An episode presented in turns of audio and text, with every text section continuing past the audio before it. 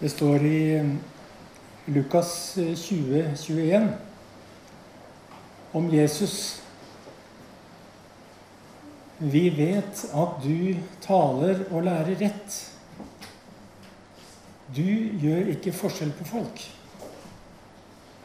Vi kunne kanskje betone det på den måten. Vi vet at du lærer å tale rett. Du gjør ikke forskjell på folk. Men vi mennesker, og kirka innbefatta, vi har ikke holdt for stien sti rein. Og det gjelder å sette forskjellige mennesker i båser. I Romerne 2,11 står det Gud gjør ikke forskjell på folk. Men vi, vi har satt båser rundt ung og gammel, rundt klasse, rundt kjønn og rase. Og vi har tenkt de er innenfor, og de er utenfor. Og Jeg vet ikke om dere har lagt, lagt merke til det, men her i stallen har vi ingen båser.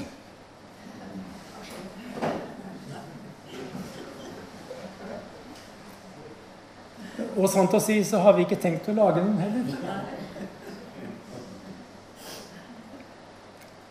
Men vår ulykkelige evne til å marginalisere og utelukke den ene eller den andre Den evnen har rana oss på mangfoldige gaver talenter og ressurser. Og latt oss fattigere tilbake.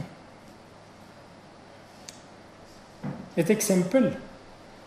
For to, hver 200 år siden, i oktober 1800, så skjedde det noe i Oppdal i Trøndelag som er gjengitt i eh, historieverket 'Historien om Norge' av, fra, av Karsten Alnes, der han skriver om Haugevekkelsen. Og han, eh, Jeg siterer Oktober 1800, Oppdal. En ung jente, Randi Hevle, 18 år, fra Drivdalen, står alene i sakristiet foran presten. Han far sjøl sjølve autoriteten i bygda, det kunne få noen og hver til å skjelve. Hun, altså Randi, hadde blitt vakt da Hans Nilsen Hauge besøkte bygda. Og Guds ord hadde slått ned som et lyn i den unge jenta. Og allerede året etter dro hun fra bygd til bygd og forkynte Guds ord. Nå var hun innkalt til sognepresten. Og presten refererte til konventikkelplakaten som nekter legfolk å holde religiøse møter, og i tillegg forbød bestemmelsen uttrykkelig kvinner ikke å tale i slike forsamlinger. Visste ikke Randi hva hun hadde å holde seg til? Nå formante presten henne strengt. Du bryter Guds ord. Du setter deg opp mot øvrigheten og autoritetene. Du bryter med din bestemmelse som kvinne. Vend om og snu før det er for sent. Nei, svarte Randi. Nei. Hun snur ikke. Hun er frelst. Hun er overbevist. Hun vil ikke slutte å holde slike samlinger. Man kan nesten ikke tro at hun våget, men at hun virkelig trasset Kirkens autoritet, det står å lese i kirkebøkene for Oppdal. Der står det Det ville hun ikke. Sitat slutt. Randi ville ikke bøye seg for fordommer. Hun ville ikke bli stengt inne i en bås. Lot seg ikke diskriminere. For det var Jesus som hadde kalt henne til å gå ut. Og han gjør ikke forskjell på folk. Det er et faktum at det finnes motsetninger og tvetydeligheter i Bibelen. Og når det finnes, da må vi finne ut av hva som er evangeliets substans, og hva som er kulturbestemt. Vi må finne ut av hva som er budskapets klær, og hva som er budskapets kjerne. Og uansett grunnleggende for kirkas fellesskap er apostelen Paulus sine ord. Her er ikke jøde eller greker. Her er ikke slave eller fri. Her er ikke mann eller kvinne. Dere er alle én i Kristus Jesus. Av og til i kirkehistorien så har denne revolusjonerende tanken brent seg gjennom intoleransen. Gjennom fordommene og gjennom diskrimineringen. Som f.eks. under pinsevekkelsens første tid i Asusa i 1906.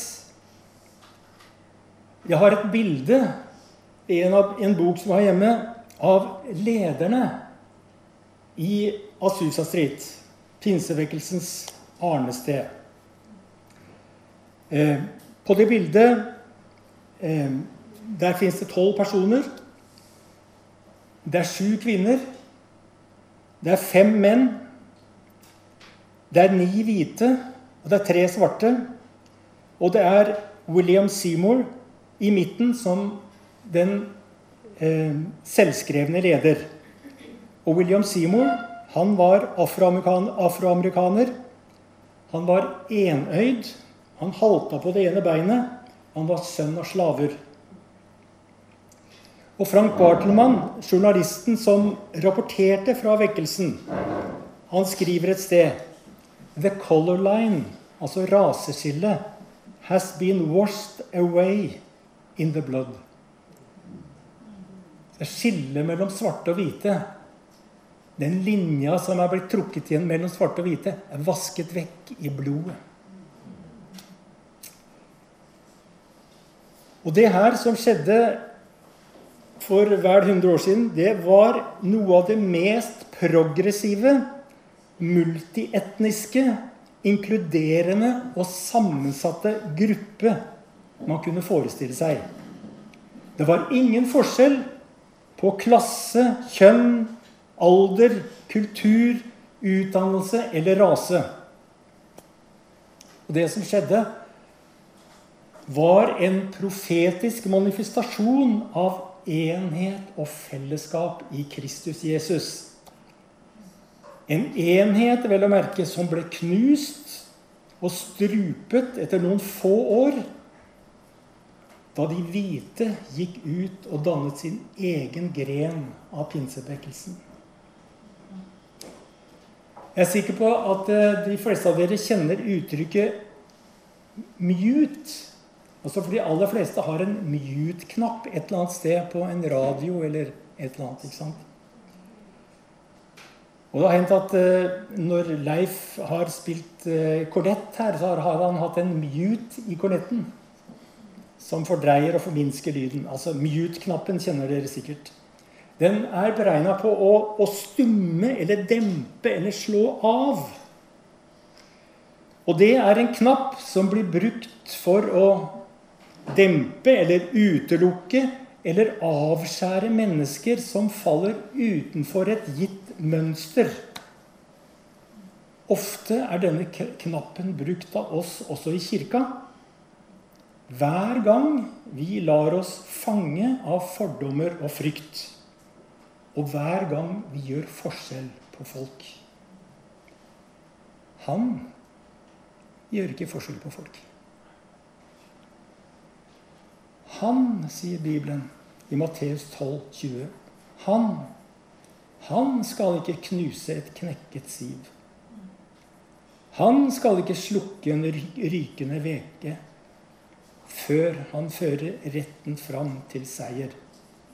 Og I studiebibelen så leser jeg at ordet siv eller rør, som er brukt her, kan referere til et, et enkelt hjemmelaga instrument, en fløyte.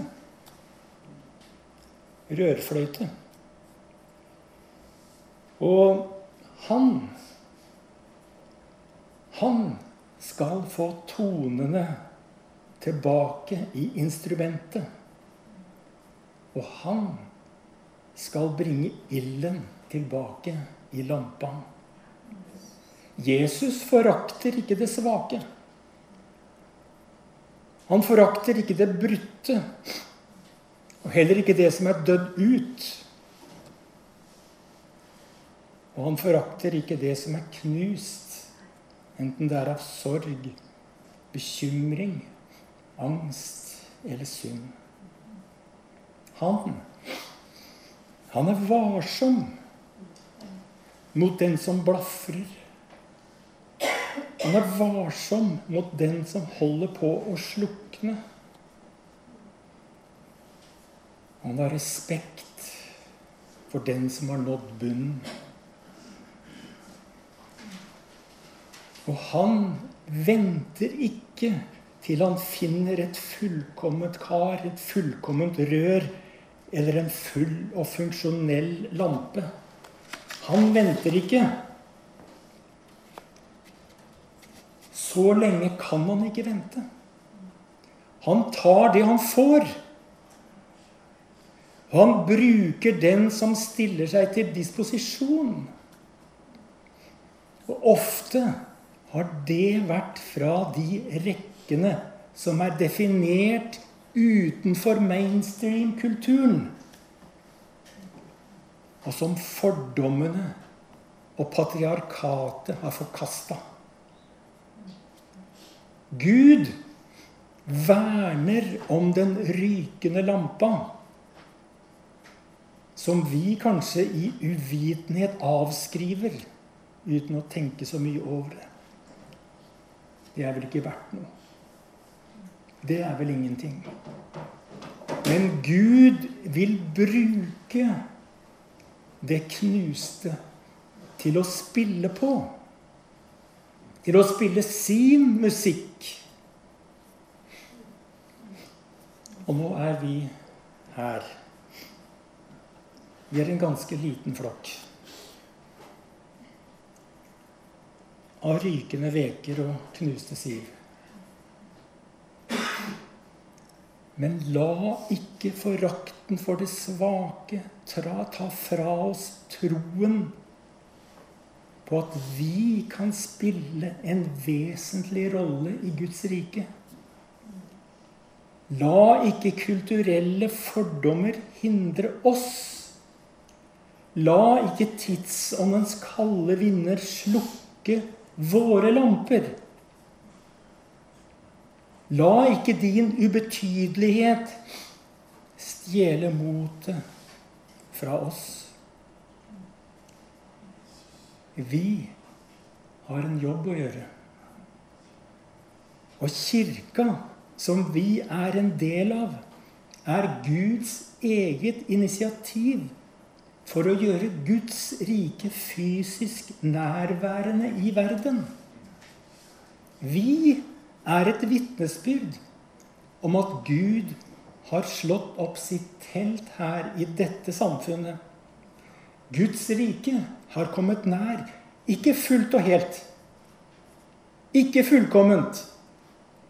Men det er Guds rike.